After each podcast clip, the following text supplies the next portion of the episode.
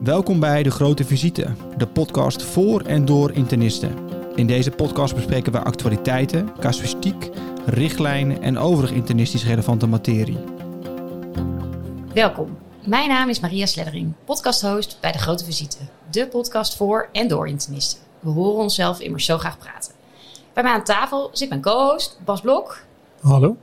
En vandaag spreken we met uh, Rob van der Pluim, uh, momenteel werkzaam als internist-infectioloog bij het Instituut Pasteur in Parijs. Uh, en zojuist bekend geworden, want we zijn hier live op de Internistendagen, de winnaar van de Professor C. Roos proefschriftprijs voor het beste proefschrift van het afgelopen jaar van de interne geneeskunde. Van harte gefeliciteerd. Ja, dankjewel. welkom en fijn dat je wilde aansluiten meteen na de uitreiking. we gaan het natuurlijk straks uitgebreid hebben over dat prijswinnende proefschrift. Uh, maar we beginnen eigenlijk de podcast uh, bij iedereen altijd met de vraag. Als je nou geen uh, internist was geworden, wat, wat was je dan geworden? Nou, wat ik zou willen zijn, is wielrenner. Um, als ik Tour de France zie, dan denk ik, nou, dat, dat lijkt me wel wat. Ja, ja misschien net als een proefschrift schrijven ook een beetje afzien, maar met een mooi eindresultaat. Ja, precies. Een lange zit. Ups en downs. Ja. ja. En um, nou, het proefschrift uh, wat je geschreven hebt gaat over malaria en resistentie tegen, uh, tegen malaria. Um, en dat heeft zich voor een groot deel in het buitenland afgespeeld. Kun je iets vertellen over ja, je toch bijzondere loopbaan? Hoe ben je daar zo terecht gekomen? Waar heeft het zich allemaal afgespeeld? Ja, ja, zeker, zeker. Dus ik ben in 2014 verhuisd vanuit Amsterdam naar Bangkok. daar is een grote onderzoeksgroep, de Mahidol Oxford Research Unit. Um, en ik heb daar tussen 2014 en 2019 uh, gewoond. Um, en vanuit daar ook het onderzoek geleid. Oh ja, en was je toen al uh, begonnen aan de opleiding tot internist? Of was dat voorafgaand aan... Ja, dus dat, ik zat in mijn vierde jaar. Dus ik zat net voor de keuze tot specialisatie. of specialisatie. Um, en ben er toen vijf jaar tussenuit gegaan. En hoe ben je op die... Ja, het is toch niet alledaags om zo naar Bangkok te gaan voor vier jaar voor zo'n project. Hoe ben je specifiek daar terecht gekomen? Ja, dus mijn ook opleiden bij de infectiologie. Michelle van Vught heeft daar in de jaren 90, uh, in 2000, uh, ook onderzoek gedaan naar malaria op de grens van Thailand, Myanmar. Um, en ik raakte met haar aan de praat tijdens een etentje. En ik zei, nou, ik wil dat eigenlijk ook. Um, en uh, een week later zat ik in haar kantoor. En drie weken later zat ik in Thailand voor een eerste gesprek met een begeleider daar, Arjen Dondorp. Um, ja, en zo is het verder gegaan bijzonder, uh, bijzonder verhaal. En uh, dat onderzoek heeft zich natuurlijk met reden uh, daar afgespeeld, want daar was een probleem. Kun je kort nog iets vertellen aan ons? waarom is malaria eigenlijk een probleem? Dat weten we misschien allemaal wel. En wat was het probleem specifiek in die regio wat jullie wilden oplossen of onderzoeken? Ja, dus malaria is endemisch in 85 landen, met name in Sub-Sahara's Afrika. maar ook in India, Bangladesh en Zuidoost-Azië. Dus Thailand, Cambodja en Vietnam. En um, de behandeling voor malaria werkt erg goed. Maar we, uh, wat eigenlijk gevonden werd, is dat er nu resistentie ontstaat tegen één van de componenten van de huidige behandeling. Dat is artemisinin. Uh, en dat is een groot probleem. En dat ontstond in Cambodja en heeft zich verspreid over de, het hele, uh, ja, over heel Zuidoost-Azië. Um, dat hebben we in kaart gebracht en we hebben ook geprobeerd een behandeling te vinden daarvoor. Ah, dus echt uh, een nieuwe behandeling. Uh, want wat was eigenlijk de oorspronkelijke behandeling waar die resistentie tegen uh, ontstaan is? Die artemisinin, zei je? Ja, dus dat is artemisinin. Um, en ik denk dat heel veel internisten het middel Coartem kennen. Dat is een combinatie van artemeter lumefantrine. Ja. Of artemeter en lumefantrine. En artemeter is een artemisinine. Um, en wat die behandeling eigenlijk doet, is dat de artemisinine component in de eerste drie dagen een heel groot deel van de parasieten doodt. Het laatste restje van parasieten wat de eerste drie dagen overleeft, wordt vervolgens gedood door de lumefantrine. Um, en uh, wat er dus gebeurt, is dat door artemisine resistentie uh, overleven veel meer parasieten de eerste drie dagen behandeling. Op zich is dat nog geen probleem, want de lumefantrine werkt nog steeds erg goed. Maar op het moment dat daar ook resistentie tegen ontstaat, krijg je dus een falend medicijn. Um, en dat leidt dus tot therapiefalen en opnieuw presentatie bij een dokter met koorts en malaria. Ja, want dan krijg je dus na een paar dagen of weken dat iemand zich opnieuw presenteert met eigenlijk nog dezelfde Parasiet. Ja, dus ja. twee, drie weken of vier weken later komt iemand dan weer terug in de kliniek. Heeft opnieuw malaria, zegt het medicijn werkte niet. Um, en moet opnieuw een uh, behandeling uh, starten. Um, en dat, uh, ja, op het moment dat er geen alternatieven zijn, krijg je dus gewoon een soort onbehandelbare malaria. Ja, en is die patiënt dan in, in die periode ook uh, een risico voor verdere verspreiding van de, van de malaria? Ja, ja, zeker. Dus de malaria-parasiet uh, vermenigvuldigt zich in het bloed. En iedere uh, vermenigvuldiging zijn er een paar parasieten die zich afscheiden en zich ontwikkelen tot gammetocyten. En die zijn verantwoordelijk voor verspreiding naar de volgende patiënt via de mug. Um, en je kunt je voorstellen dat op het moment dat je twee, drie keer koorts hebt en dus ook heel veel replicatie van die parasieten, dat je ook veel gemetocyten aan boord hebt, die zich dan weer uh, kunnen verspreiden naar volgende patiënten. Dus therapie falen zal ook echt leiden tot uh, het, ja, het in stand houden van een transmissie. Ja, en dus een toename van resistentie, ja. verspreiding daarvan. Ja, ja, het is echt een evolutionair voordeel om resistent te zijn. Ja, en die, um, dat probleem dat is daar dus heel lokaal, of tenminste het is een groot gebied, maar dat wordt specifiek in die regio gezien, uh, begreep ik. Heb je daar een verklaring voor? Ja, dus in 2009 werd het voor de eerste keer erkend in, uh, op de grens van Thailand en Cambodja. En wat wij eigenlijk in onze studies zien is dat het zich sindsdien snel verspreid heeft. Dus eerst was het ongeveer 50% van de parasieten in West-Cambodja. Um, en uh, acht jaar later was bijna 95% van alle parasieten in Thailand, Cambodja en Vietnam resistent tegen artemisinine. Uh, en vervolgens, omdat dus veel parasieten die eerste drie dagen van de behandeling overleven, zijn die parasieten ook resistent geworden tegen de partnerdrug, het partnermedicijn. Um, ja, en waarom dat zo ontstaan is, er zijn een paar uh, mogelijke redenen voor. Dus artemisinine is uh, ontwikkeld door de Chinese communistische, uh, het communistische regime, uh, hebben dat gedeeld met de troepen van Ho Chi Minh. Uh, en die heeft het op grote schaal gebruikt in de Vietnamoorlog. maar daarna is het natuurlijk ook in de regio beschikbaar gekomen. Dus die parasieten hebben dit middel ehm, ja, misschien al 50 jaar gezien. En als monotherapie dan? Ja, monotherapie ja. of suboptimale doseringen binnen ja. een ACT.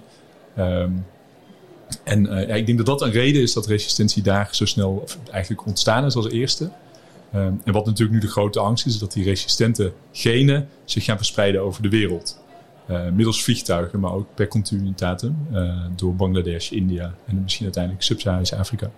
Okay. Want zijn dat ook resistente parasieten die we bijvoorbeeld hier in Nederland al zien bij terugkerende reizigers of wat nog niet? Ja, dus het is in Zuidoost-Azië best wel moeilijk om ma malaria op te lopen. Omdat de transmissie met name plaatsvindt in uh, bossen. En dat zijn eigenlijk bossen waar toeristen niet zo vaak komen. Dus het is vrij zeldzaam dat een, iemand die op een soort strandvakantie gaat naar Thailand daar een resistente parasiet oploopt. Dus we zien dat niet echt hier.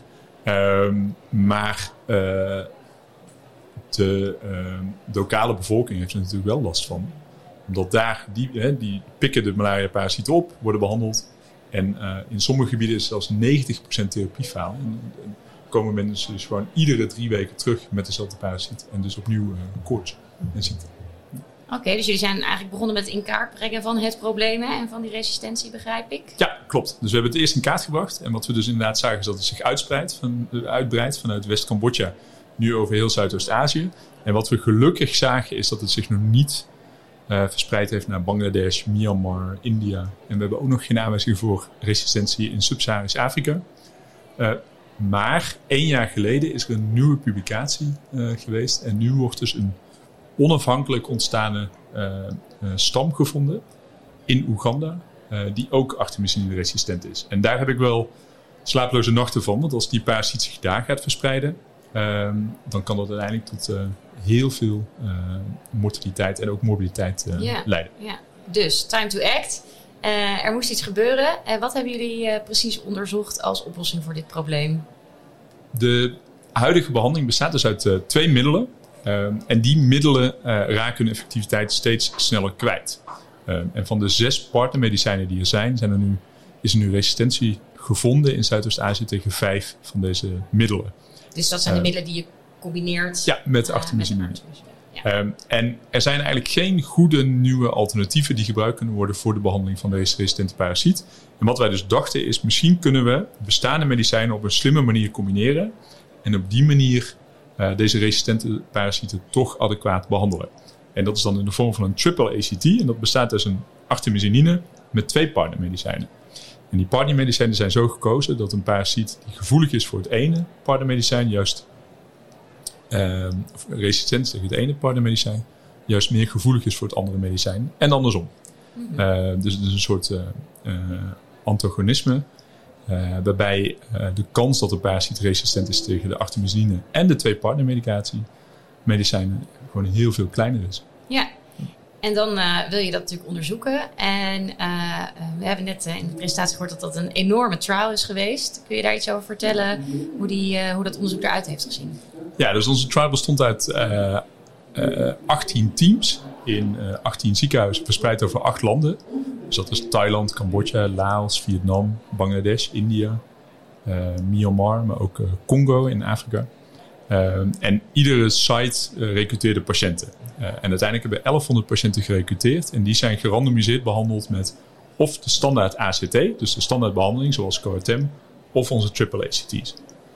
Jeetje, dat klinkt als een enorme onderneming. Hoe, hoe doe je dat? Je gaat in een land wonen waar je de taal niet spreekt, uh, waar je niemand kent. En dan uh, moet dit worden opgezet. Was er al een soort bestaande infrastructuur tussen al die ziekenhuizen? Of is dat iets wat je nog hebt moeten opstellen? Ja, ja dus de Mayadol Oxford Research Unit is een uh, onderzoeksgroep die al ongeveer 50 jaar in Zuidoost-Azië onderzoek doet naar tropische ziekten. Um, en we hebben eigenlijk gebruik gemaakt van het netwerk wat daar al bestond. Ja, dus daar was al een heel netwerk van, van lokale onderzoeksgroepen, begrijp ik. Die daar, zijn dat ook dokters die daar gewoon werken in de dagelijkse praktijk? Ja, dus vaak um, zijn het uh, samenwerkingen met uh, lokale overheden. Dus het Nationaal Malaria-programma van Cambodja bijvoorbeeld. Uh, en die geven dan een suggestie van ik denk dat dit een goede site is om malaria te onderzoeken. En daar hebben we dan een team getraind ja. en ook een laboratorium gebouwd om daar ter plekke de resistentie in kaart te brengen. En ja. ook de behandelingen te, te testen. Ja, en dat, nou ja, zoals Marie al zei, dat klinkt echt als een megaklus. Uh, zijn er nou bepaalde lessen die je daaruit hebt gehaald, die je nu in de toekomst meeneemt? Van als je zoiets opnieuw zou doen, van hoe zou je dat aanpakken? Wat zou je anders gaan doen? Ja, wat ik anders zou doen, uh, daar kan ik zo meteen wel iets over zeggen. Uh, maar wat ik denk ik met name hetzelfde zou doen, is het echt het creëren van een team. dus we hebben wel een centrale groep in Bangkok. We bestaan uit ongeveer 10 personen. En in iedere site ja, waren denk ik 15 tot 20 mensen per site actief. En wat we echt geprobeerd hebben, om ze iedere site meerdere keren te bezoeken. En hen echt duidelijk te maken dat ze deel zijn van een belangrijk groot project. Uh, centrale meetings ook in Bangkok, waar iedereen komt en uh, mensen ook echt begrijpen, we doen dit samen um, voor uh, het grotere goed. dat gezegd hebben, dan zou ik denk ik nog ook iets meer gebruik maken van andere manieren van communicatie, zoals Skype of Teams. Maar dat was in die tijd best wel toch iets minder vergeleken met nu. Ja, want hoeveel, hoe, lang ben je hiermee bezig geweest? Wanneer is dit gestart en wanneer zijn je publicaties uiteindelijk naar buiten gekomen? Ja, dus het project startte in 2014 en de eerste publicatie was in 2019. En uh, ja, in, die laatste, in die drie jaar daarna zijn eigenlijk alle publicaties gepubliceerd. Je vertelde al, de malaria wordt natuurlijk vooral opgelopen in, in de bossen hè, voor de lokale bevolking. En die mensen zoek je, want die moeten in de trial. Hoe krijg je die mensen gerecruiteerd en hoe, hoe, hoe, doe je dat? Ja, dus er zijn een paar um, uh, dingen die we gedaan hebben. Ehm, er zijn zo, zogenaamde health camps opgezet, waarbij een team van dokters naar afgelegen gebieden gaat. daar een week blijft en op het moment dat een patiënt met koorts zich presenteert, getest wordt op malaria, is er malaria, dan worden ze naar ons centrale hospitaal of ziekenhuis vervoerd. En een ander iets wat we vaak gedaan hebben is een ja, ook een malaria screening truck. En dat is eigenlijk een auto die over de weg rijdt waaraan mensen wonen. Op het moment dat zij koorts hebben, weten ze van nou, dit, ik kan hier mijn malaria testen doen. Um, en vervolgens uh, wordt die test ter plekke gedaan. Met In de microscopie. Ja, dus op de, de achterkant van de station wagon. Um, en van de jeep. Um, en als ze dan positief zijn, wordt zo'n patiënt snel naar het ziekenhuis gebracht om daar uh, behandeld te worden okay. met de nieuwe behandeling. Geweldig. Heel anders dan hoe het in, in Nederland gaat, waar alles natuurlijk dicht bij elkaar is en iedereen makkelijk te bereiken is. Ja, klopt. Ja. Maar goed, we hebben dan gerandomiseerd, dus allerlei verschillende middelen. En kun je dan iets vertellen wat de belangrijkste uitkomsten waren van het onderzoek? Ja, zeker. Dus wat we vonden is dat de eerste lijnsbehandeling in Vietnam, Thailand en Cambodja dat was DHA Paparicum, of dihardenartemisine Paparicum. Uh, dat was eigenlijk niet effectief genoeg. Dus we zagen therapiefalen van gemiddeld 50% met dat middel. Uh, maar bijvoorbeeld in Noordoost-Thailand faalde 90% van de patiënten uh, op deze behandeling. Dus dat betekent dat 90% van de mensen binnen twee, drie weken weer terugkwam met koorts in ons ziekenhuis. Ehm, wat we ook vonden is dat onze triple ACT's 100% effectief, effectief zijn. Dus tot nu toe hebben we geen patiënten gezien die gefaald zijn op een triple ACT. Allemaal, alle verschillende combi's ja, zijn. klopt inderdaad. En ehm, ik denk dat het waarschijnlijk een synergistisch effect is van de twee partnermedicaties, medicijnen. Uh, maar misschien is het ook zo dat de middelen die wij hebben toegevoegd aan de uh, standaard ACT's iets minder vaak gebruikt zijn in die regio en daardoor is er daar iets minder resistentie. Uh, en in vervolgstudies gaan we dus kijken, als je op lange termijn triple ACT's gebruikt in een land, verandert dan het resistentiepatroon en zie je dus parasieten die triple resistent zijn. Dus resistent zijn tegen alle drie de ingrediënten van een triple ACT. Ja, dus een enorm ja, goede uitkomsten, denk ik. Heeft dit ook direct geleid tot uh, klinische impact? Uh, zijn er dingen aangepast? Want het klinkt als iets 90% faalt en je hebt iets wat 100% effectief is, dat je daar morgen mee wil beginnen.